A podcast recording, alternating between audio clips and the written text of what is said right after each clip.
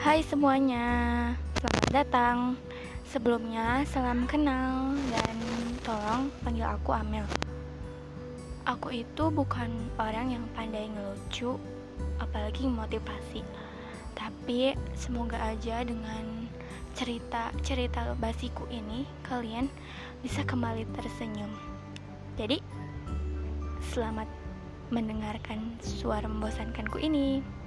thank you